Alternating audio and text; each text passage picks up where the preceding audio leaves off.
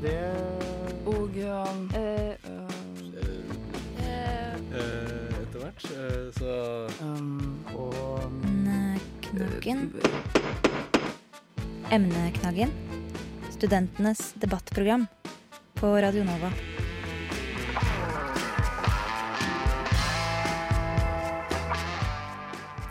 God kveld og velkommen til Emneknaggen, studentenes debattprogram her på Radio Nova.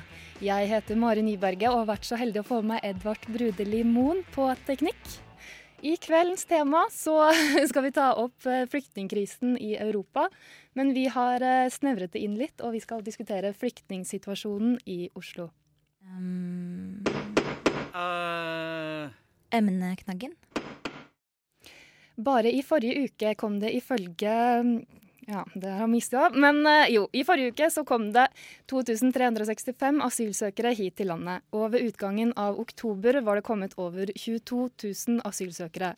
UDI spår at tallet vil bikke 30 000 innen året er omme.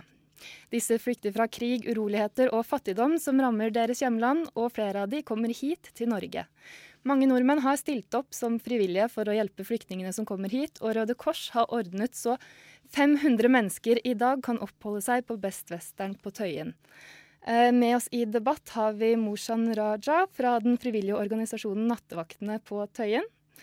Karin Afif, som er migrasjonsrådgiver hos eh, Røde Kors. Vi har med nestformann i Oslo FPU, Tobias Brandstrøm. Og er leder for Antirasistisk utvalg i Rødt, Maria Vasvik. Velkommen, alle sammen. Tusen takk. Og Morsan, kan ikke du beskrive en vanlig dag hos dere i Nattevaktene på Tøyen? vanlig dag, det er nesten aldri eh, samme dag. Det er alltid eh, noe nytt som skjer der hele tida. Situasjonen vil jeg si er kaotisk fortsatt. Det har vært eh, i over nesten 90 dager nå, siden de starta å komme. Folk eh, kommer på egen hånd fra bussterminalen og må finne veien sjæl. Og må vente ute i timevis, både ute og inne på PU. Det er ikke noe mat, ikke noe, ikke noe helse etter klokken 11. Så det er ganske ille der oppe. Og For de som ikke vet hva Nattevaktene på Tøyen er, hva, hva er det dere gjør for noe? Vi er en frivillig gruppe. Vi er ikke en organisasjon. Vi er en vennegruppe som har blitt eh, større og større. Nå er vi en gruppe på ca. 20-25 personer som er nede på bussterminalen, tar de imot, henter de opp til Tøyen. Der har vi to svære telter med varmelamper, stoler, varm mat, drikke eh, til å begynne med. Og så får de tildelt te, jakker, luer, hansker, medisiner til og med. Og barneleker for barn. Mm, Men hvordan starta det her? Hvordan, Det starta jo for 68 dager tilbake. Jeg var ute sammen med noen venner. Og vi bestemte å gå hjem fordi det var kaldt ute. Og dagen etterpå når jeg, øh, våkna, så gikk jeg inn på TV 2, og da leste jeg nyheten om at flyktningene måtte ligge ute øh, og vente. Da tenkte jeg greit, vi dro hjem fordi det var kaldt, og de måtte komme og ligge, ligge ute, liksom. Tok da en tur opp dagen etterpå. Det var det samme situasjon da også, og da begynte vi å prate med de, dildet dem noen pizzaer, og holdt uh, gående siden den dagen. Og nå hjelper det flyktninger hver dag, eller? Hver kveld. Fra klokken sju og utover. Mm. Hva gjør dere i Røde Kors eh, for flyktninger i Oslo? Eh, ja, Det er et stort spørsmål. Vi har veldig veldig mye aktivitet, og det hadde vi også før eh, denne situasjonen ble så prekær. Men akkurat nå så har vi en stor innsats knyttet til ankomst, ankomster av asylsøkere. Vi er til stede med psykososial støtte inne på venteværelset hos politiet, som den eneste uavhengige aktøren der. Eh, og så har vi også en tilstedeværelse på dette hotellet som ligger rett ved registreringen. Eh, I tillegg så driver Røde Kors eh, et stort eh, akuttmottak så, i Pilestredet med 130 plasser. Og dette er da et sted hvor eh, personer kan få hvile og, og slappet av eh, mens de venter på å bli registrert hos politiet. For det er jo dette som har vært utfordringen hele veien. At det, det går, politiet får ikke registrert unna det antallet som kommer, og at det hoper seg opp da i byen. Mm. Kjenner dere i Røde Kors til arbeidet til Nattevaktene på Tøyen? Ja, absolutt. De har jo gjort en helt fantastisk jobb. Og jeg tenker eh, i tillegg til mange andre frivillige, mer eller mindre organiserte grupper, så, så har det jo bare virkelig vært et stort, stor innsats. Og, og jeg må bare berømme dere også for at dere har holdt på så lenge. For det ser vi også blant frivillige også i Oslo Røde Kors, at én ting er en uke, en to uker, men folk jo, gjør jo dette i tillegg til jobb og familie og mye annet. Så, så det er en enorm innsats, og, og, det tenker jeg sier noe også om hvor prekære behovene har vært. Da. Det har ikke vært mulig å, å snu ryggen til dette her. Mm. Altså Samarbeider dere, eller har dere noe med hverandre å gjøre på noen som helst måte? Ja, jeg tror det er mye bra samarbeid uh, on site, altså på, mm. på, hotellet og her og der. Så, så vi er, men vi er jo også veldig ulike. Røde Kors er en stor, stor organisasjon uh, hvor vi har mye, mye, rigg rundt våre frivillige. Uh, men vi har mye å lære også av hvordan nå de uorganiserte frivillige har operert i denne situasjonen. Så jeg tror vi har mye å lære, lære av hverandre. Mm. Eh, Maria, hva tenker dere i Rødt om eh, det arbeidet som eh, natte, Nattevaktene på Tøyen og Røde Kors gjør i Oslo? Altså, det er jo det er helt fantastisk, og det er helt uvurderlig. Eh, samtidig så burde det jo også være helt unødvendig i den fasen eh, asylsøkerne er i akkurat da. For det her er jo ikke en oppgave som burde vært overlatt til frivillige organisasjoner. Eh, det er, en, det er, en, nasjonal oppgave som vi har vist oss altfor dårlige til å løse. På hvilken måte da? Så mm, det her er uh, Det her er noe som har, det har blitt varsla om eh, lenge, lenge. Jeg tror vi kan snakke om at det er et par år siden de første meldingene om at eh, ankomstene kom til å øke i hvert fall veldig drastisk, om ikke til de høydene vi har sett nå. Det her er noe man har unnlatt uh, å satse på. Man har, man har heller uh, lagt alle pengene på retur. Uh, og, og ja, unnlatt å fokusere på ankomstfasen, som faktisk er ekstremt viktig, særlig hva gjelder integrering. Tobias, hva tenker du om det Maria sier her? Først og fremst så vil jeg gi en stor takk til de frivillige som står opp hver dag og, og hjelper de som kommer og hva skal jeg si, får en førstehånd når de, når de kommer til Norge. Så en stor takk til dere først og fremst. Um, så til Maria det at vi bruker alle penger på retur, det er jo faktisk feil. Men jeg må også si at det er viktig at vi også returnerer eh, altså grunnløse asylsøkere i den situasjonen vi er i nå også. Grunnen til det, det er at vi, um, vi åpner av kapasitet, eller vi gjør plass ledig til de som virkelig har et beskyttelsesbehov i Norge. Så det er viktig at vi også satser på retur i, i den situasjonen vi er i nå. Mm, hvor, hvorfor Jeg Jeg håper å si, Nå satser jo veldig mange på å hjelpe de. Hvorfor eh, Hvordan skal vi kunne returnere de, holdt jeg på å si? Hvorfor? Nei, altså det, det, er sånn at det, det sitter jo eh, Først og fremst sitter det over 5000 mennesker på asylmottak i dag som venter på bosetting i en kommune. Men det sitter også vesentlig flere på asylmottak som er utsendelsesklare. Altså de har fått avslag på sin asylsøknad og, og, skal da sendes ut av landet. Vi mener at det er viktig at også de sendes ut, slik at vi kan gjøre plass til de som virkelig har et behov for å være på asylmottaket. Det er ett poeng som vi mener er viktig. Men så er det klart at vi satser jo også veldig mye på eh, på å, å, å ta, ta, imot de som kommer på en, eh, på en, god måte og gi dem en ordentlig behandling. Men det er klart at det er veldig krevende denne situasjonen. Og, og eh, tallene nevnte innledningsvis her også, det, det, er faktisk litt flere. Det er 2460 som kom i uke 45. da. Ja. Uke 44 så var det litt færre. Men det har økt gradvis hele tiden. og det er nå elleve ganger flere asylsøkere per uke enn det var i 2014. Og det er en ganske krevende situasjon for både UDI, IMDi, kommunene, hele mottaksapparatet. Eh, Maria, ville du Ja, jeg vil bare eh, svare holdt jeg med en gang. fordi at, jeg mener ikke å si at alle pengene brukes på retur. Men det er jo litt spesielt at de aller største økningene i, for 2015 de gikk til Politiets utlendingsenhet, som driver eh, utlendingsinternatet på Trandum og stort sett driver med å tvangsreturnere folk. Uh, og å si det at vi nå fokuserer på de som faktisk har et reelt behov for beskyttelse, det er jo veldig merkelig når man stadig vekk og hver eneste dag ut folk, uh, sender ut folk i strid med FNs anbefalinger. Og det høres jo også litt rart ut når de løsningene regjeringa presenterer for å løse denne krisa man står overfor, stort sett er innstramminger.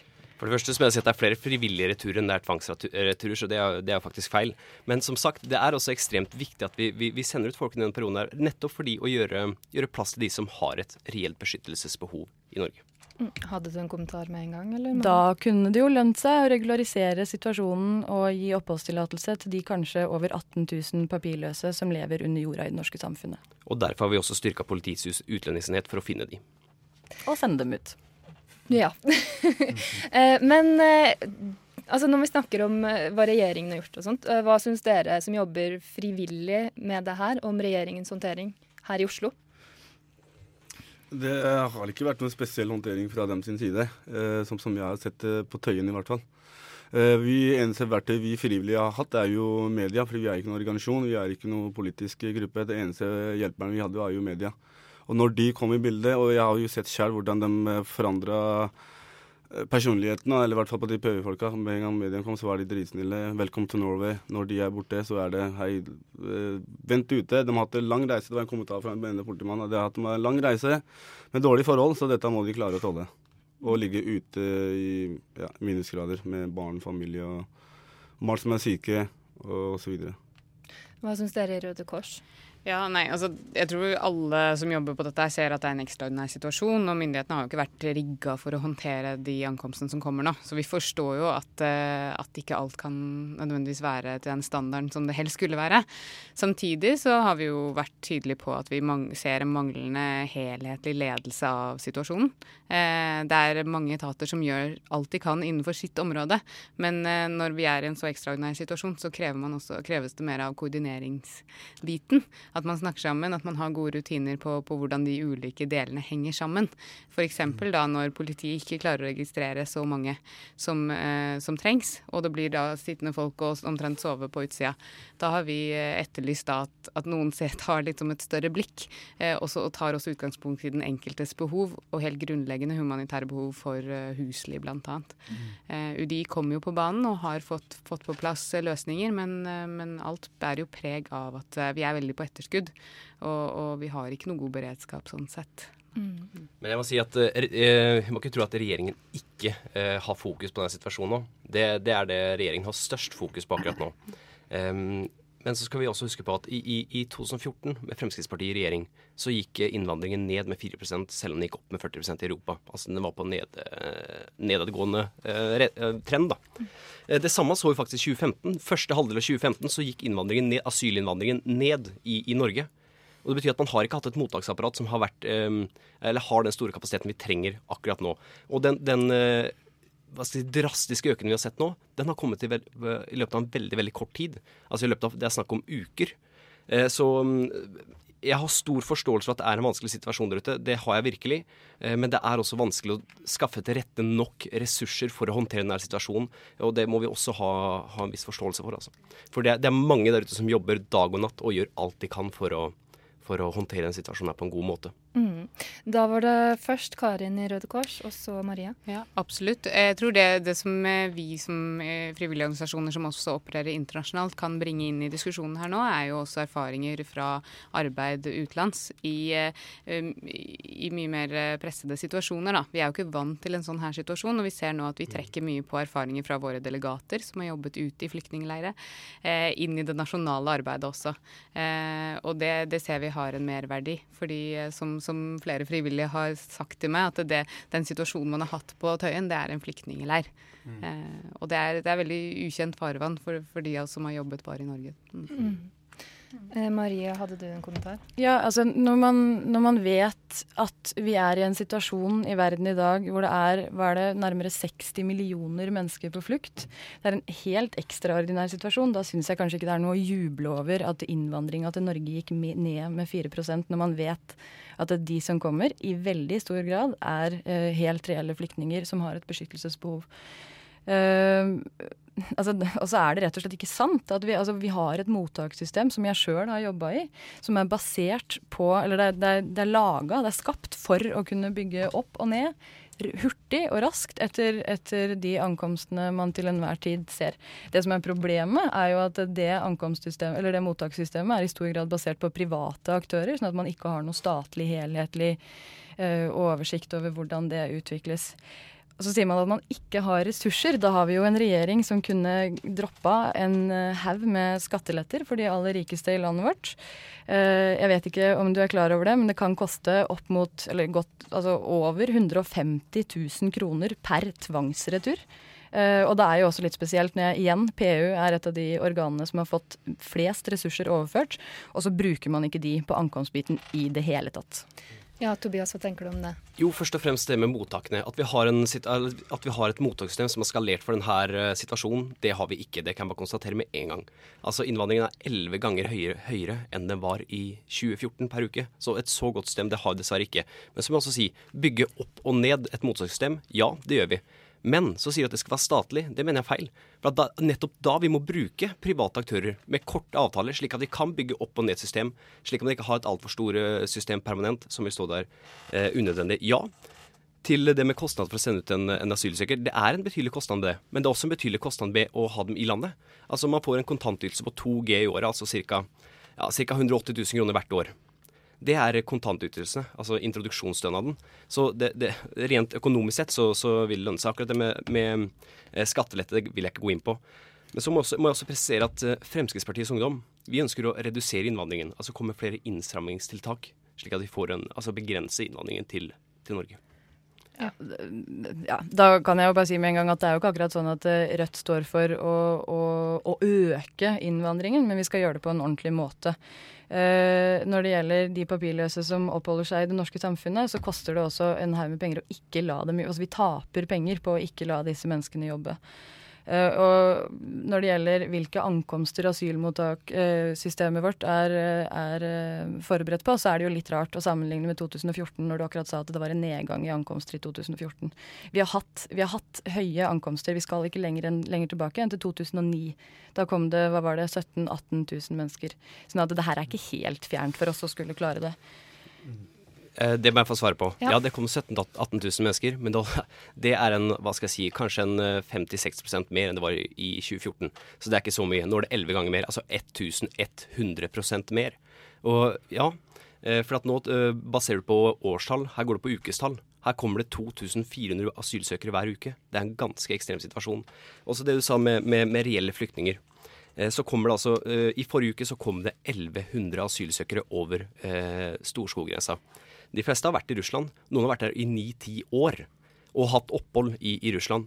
Eh, og da vil jeg kanskje ikke kalle de flyktninger når de, når de drar fra, fra, Russland. Og Da skal vi høre litt eh, Hva slags personer er det dere møter, eh, dere i Røde Kors og i nattevaktene på Tøyen? Mm, det er uh, mye forskjellig, egentlig. Men det mange, uh, i de siste har kommet mange barnefamilier. Og mindreårige fra Afghanistan. Uh, familier fra Syria og Irak. Det er de tre landene de fleste kommer fra. Mm. mm. Hva med dere, Røde Kors? Ja, Vi ser jo også at, og det sier jo politiet selv også, at det er en ganske større andel nå av mennesker som har en spesiell sårbarhet ved seg. At det er spedbarn, eh, barnefamilier som du nevnte, eh, og en stor økning i enslige mindreårige. Eh, og alle de gruppene krever jo også spesielt særskilt vern og omsorg. Eh, og det er vanskelig å ivareta når situasjonen er så uoversiktlig. Og man vet jo fra, fra tidligere år også at uh, oppfølgingen av sårbare grupper på asylfeltet i Norge har vært mangelfull, og det er det en del forskning på også. Det med å avdekke sårbarhet i den første fasen, det har ikke vært godt nok. Så, så, dette ser vi nå bare bli eskalert i og med at det kommer så mange sårbare grupper. Mm. Men hva kan man gjøre for å verne om de sårbare gruppene? Har dere tenkt noe på det i FPU? Ja, selvfølgelig har vi det. men det er jo sånn i dag at man har jo for de mindreårige, det er det EMA da, som man kan kalle det, som er under 15 år, de ligger under Barne-, likestillings- og diskrimineringsdepartementet. Mm. Altså det er barnevernet som har ansvaret for de. Og de er ganske hva skal jeg kalle det, ressurskrevende. Altså de, de, de, krever mye ressurser å ta vare på på et barn. Um, og, og, det å bygge opp kapasiteten på det området her, det er, det er svært krevende. Og da, da, vil jeg bare påpeke at det å ta i bruk private aktører i, eh, for, for, å løse denne situasjonen, det er veldig veldig viktig. Og det ser vi at, at, at man løser det på den måten nå også. Maria, hva tenker dere Rødt om det? Private aktører? Ja, altså nå er det sånn at jeg er uh, juridisk representant for enslige mindreårige asylsø asylsøkere sjøl. Uh, eh, og jeg har fått se noen av disse privatdrevne mottakene helt på, på nært hold. Uh, og det var ikke spesielt imponerende. Det er, det er veldig flott at, at, ting nå opprettes raskt. men særlig for de sårbare gruppene vi snakker om her, så kan det ikke skje på en såpass dårlig måte som det foreløpig har blitt gjort. Det her er eh, steder som ligger Altså det er, det er uegna lokaler. Store, ja det er plass til alle. Eh, men det går altfor fort når man ansetter folk som ikke har kompetanse til å jobbe med disse ungdommene.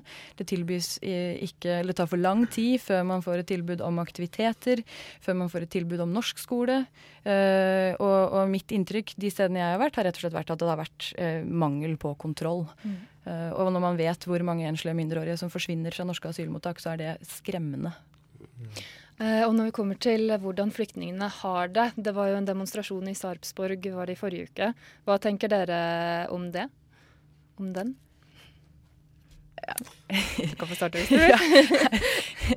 jeg, må jo bare si at det er, det, er, eh, det er, veldig veldig skummelt å gjøre det her, altså gjøre flyktninger til noen som, som, er så annerledes enn oss at ikke de får lov til å si ifra om ting som helt klart ikke er OK, som ikke vi heller hadde akseptert. En ting er eh, en situasjon som varer i et par dager, helt OK, men nå ser vi jo at det varer og varer og varer, og varer, og da må det være lov å si ifra uten at man blir kalt utakknemlige. Noen andre som har noen tanker? Fordi Det starter jo alltid fra mottagelsen. Når de kommer fra bussterminalen på egen hånd. Og det er ingen som tar det imot, og de må bruke seks-sju timer fra bussterminalen opp til Tøyen. Uh, som er ganske krevende, fordi de kan jo ikke språket, de har jo ikke penger, de har ikke spist på timer, dager.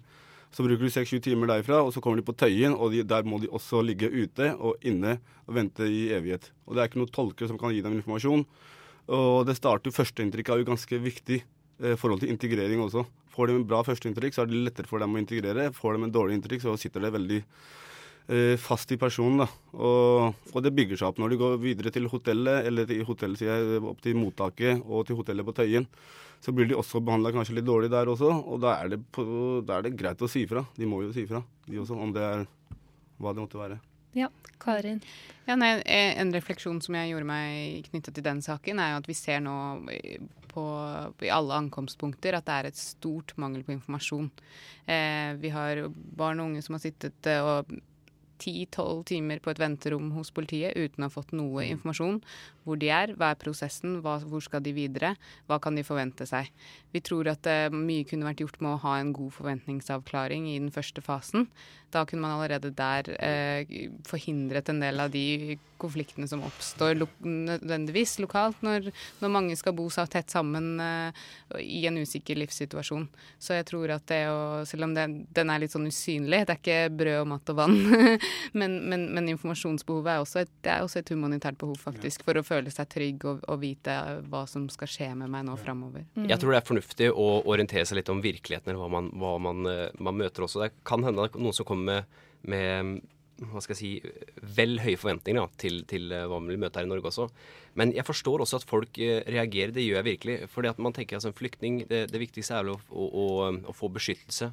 Eh, ha trygghet. Være fri fra, fra bomberegnet. Eh, og man får altså på, på skattebetalernes regning. altså Man får mat, man får husly, og man får, eh, får et tilbud. Så jeg forstår også at folk, eh, folk reagerte i den situasjonen med, i Kolstad i Sarpsborg. Mm. Ja. Altså, ja. Eh, folk, folk, må få lov til å reagere, og, og, man skal ikke ha for høye forventninger. Jeg er for øvrig veldig enig i at informasjonen er kanskje det viktigste. Det er jo også et veldig sentralt rettssikkerhetsprinsipp å ha, å ha en forutsigbarhet uh, å forholde seg til. Men det er jo ikke akkurat som at uh, norske asylmottak er noen luksustilværelse. Jeg har jobba i mottak og sett svart mugg vokse oppover veggene på rom hvor det sov spedbarn, og fått beskjed om å vaske det med salmiakk. Det her er også en konsekvens konsekvens av det at vi har et system hvor, hvor man baserer seg på de private. Mm. Er det de private som er problemet, Tobias? Jeg mener ikke at det er private som er problemet her. Eh, jeg mener ofte at det er private som er løsningen, ved at man klarer å bygge opp og ned mottakskapasiteten i, i, i stor grad. Eh, men det er klart at man, man, vi gjør vårt ytterste for å, for å eh, gi asylsøkere og flyktninger et, et godt altså ta dem, på, ta dem, imot på en god måte når de kommer til Norge. Det, det gjør virkelig regjeringen sitt ytterste for å få til. Men igjen, altså hadde eh, de tallene vi ser nå, hadde det kommet eh, samme tallene hver uke i løpet av ett år, så hadde det tatt mot 110 000 asylsøkere, og det er ganske, ganske drastisk. Det, det, er en del, ja. Men um Og derfor vil vi også altså, gjennomføre tiltak for å begrense innvandringen. da. Ja, men Hvilke tiltak f.eks.? Blant annet vil vi jo opprette stenger, strengere grens grensekontroller. Vi vil ha, eller begrense muligheten for eh, familiegjenforening, eller ha sånn underholdskrav da, eh, i større grad. At man klarer å forsørge de som kommer når man får en familiegjenforening. Slik det er med familieetablering f.eks. Vi ønsker å se på ytelsene en asylsyke mottar. I Norge så mottar man 15 000 kroner, over 15 000 kroner i introduksjonsstønad, 2G, i løpet av et år. Eh, for de eh, mellom 18 og 25 så er det to tredjedeler av 2G, da. Ca. 180 000 kroner i året. Riktignok så betaler man skatt av det, men i Sverige så er det halvparten, og i Danmark så er det eh, enda lavere enn det. Så jeg tenker at vi bør kanskje se på ytelsen i forhold til våre naboland også. Det tror jeg, tror jeg er viktig. Maria, tror du vi har noe å hente å se på ytelsene i naboland, eller hva tenker du? Altså, jeg må jo bare si at det, det man faktisk risikerer ved å gjennomføre de tiltakene dere skisserer her, er jo å skremme bort helt reelle flyktninger som har, som har krav på beskyttelse fra det norske samfunnet. Det syns jeg er fryktelig skummelt. Det er ikke en nasjon vi skal være. Eh, de tallene du refererer til, er jo, er jo ytelser man får etter opphold. Eh, ja, uh, En asylsøker i Norge for ikke så mye penger. Altså Norsk Folkehjelp har vært på banen før og vært bekymra for at beboere i deres mottak sulter. Jeg har selv snakka med ansatte i asylmottak som forteller at de er redde for å, å servere større porsjoner fordi, fordi de rett og slett risikerer å gå tom for mat. Sånn at eh, så mye er det absolutt ikke å, kutte i disse ytelsene. Jo, jeg tror det, er, eh, tror det er en god del å kutte på de ytelsene. Um, men men eh, altså det som er viktig, er også signalet man sender. Altså hvilke ytelser vi, vi har i Norge i forhold til våre naboland også. Uh, for det ser man også kan ha effekt på hvor, hvor asylsøkerne kommer. Du ser bl.a. Sverige, som har vært veldig, veldig rause. De har, fått, eh, altså de har hatt over 100 000, eller opptil 100 000 asylsøkere i året. Mens Danmark de ligger an til å få 15 000 asylsøkere i år. De drar rett gjennom Danmark opp til, eh, opp til Sverige og Norge, bl.a. Eh, så jeg, mener at vi bør også se på innstramminger for å, for å begrense innvandringen. Men hvis jeg får se et litt større perspektiv, da. Så kan vi si at flyktningkonvensjonen av eh, 51 god idé. Tilleggsprotokollen av 67 ikke fullt så god idé. Jeg mener at man heller bør opprette større asylmottak som er drevet av FN utenfor Europa, hvor det kommer reelle flyktninger dit. Man får vurdert sin asylsøknad, sitt beskyttelsesbehov. Eh, og så får land eh, hente eh, flyktninger fra det mottaket. For da slipper vi situasjonen at man må ta en farefull ferd over Middelhavet. Man slipper en situasjon hvor vi ser nå det kommer rekordmange over Middelhavet nå. Og det begynner å bli kaldt i Europa. Det er ikke helt bra. Derfor må vi også opprette et stort, eh, et enormt flyktningmottak utenfor Europa. Eh, Hvor, hvor land kan eh, hente flyktninger. For det tror jeg er en mye bedre idé. Og så er det sånn at eh, eh, tilleggsprotokollen til eh, flyktningkonvensjonen av eh, 67 den er ikke skalert, eller er ikke, eh, det er ikke tatt hensyn til den situasjonen som vi har i dag. Det var, det var Husk at jeg var på 60-tallet. Eh, så den, er ikke, den må tilpasses dagens realiteter. Helt til slutt, eh, hva synes dere andre om eh, å ha en flyktningleir utenfor Europa? Er det en løsning på det her? Ja, det, er, det er jo absolutt ingen løsning sånn som situasjonen er akkurat nå. Flyktningene er jo i Europa. Jeg syns også det er påfallende at det her skal skje utenfor Europas grenser. Eh, hvorfor skal ikke vi ta del av det ansvaret? Jeg er heller ikke enig i at flyktningkonvensjonen ikke er ikke, hva skal jeg si, ikke klarer å, å ikke er skalert for de, for de ankomstene man ser nå, eller for den situasjonen man ser nå.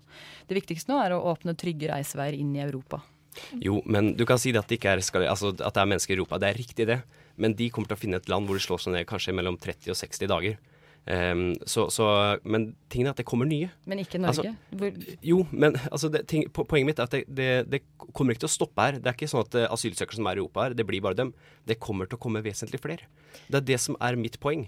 Det at vi bør opprette et stort øh, de reelle flyktningmottak hvor vi fleste kan har ta lyst imot til å reise reelle hjem når flyktninger. det blir trygt. Vi må finne en løsning for å klare å ta det imot, istedenfor å sitte om problemet, problem, problem. Hvor er løsningen? Det er ingen som snakker om løsningen her. Jeg kom akkurat med en løsning, og det var å opprette et stort jeg hadde var ikke dagens det Det var ikke noen god det. løsning. Og med den eh, uenigheten så tror jeg vi faktisk vi må avslutte denne debatten. Uh, tusen takk for at dere kom. Takk selv. Takk, takk. Yes. takk. Og eh, ja. Um, Og um, eh, Etter hvert, så um, Emneknaggen. Emneknaggen. Studentenes debattprogram på Radio Nova. Ja, det var alt vi rakk for eh, emneknaggen i dag. Hør på oss neste uke her på Radio Nova FM 99,3. Mitt navn det er Mari Nyberget, og med meg i dag på teknikk hadde jeg Edvard eh, Brudelimoen. Eh, vi snakkes igjen om en uke.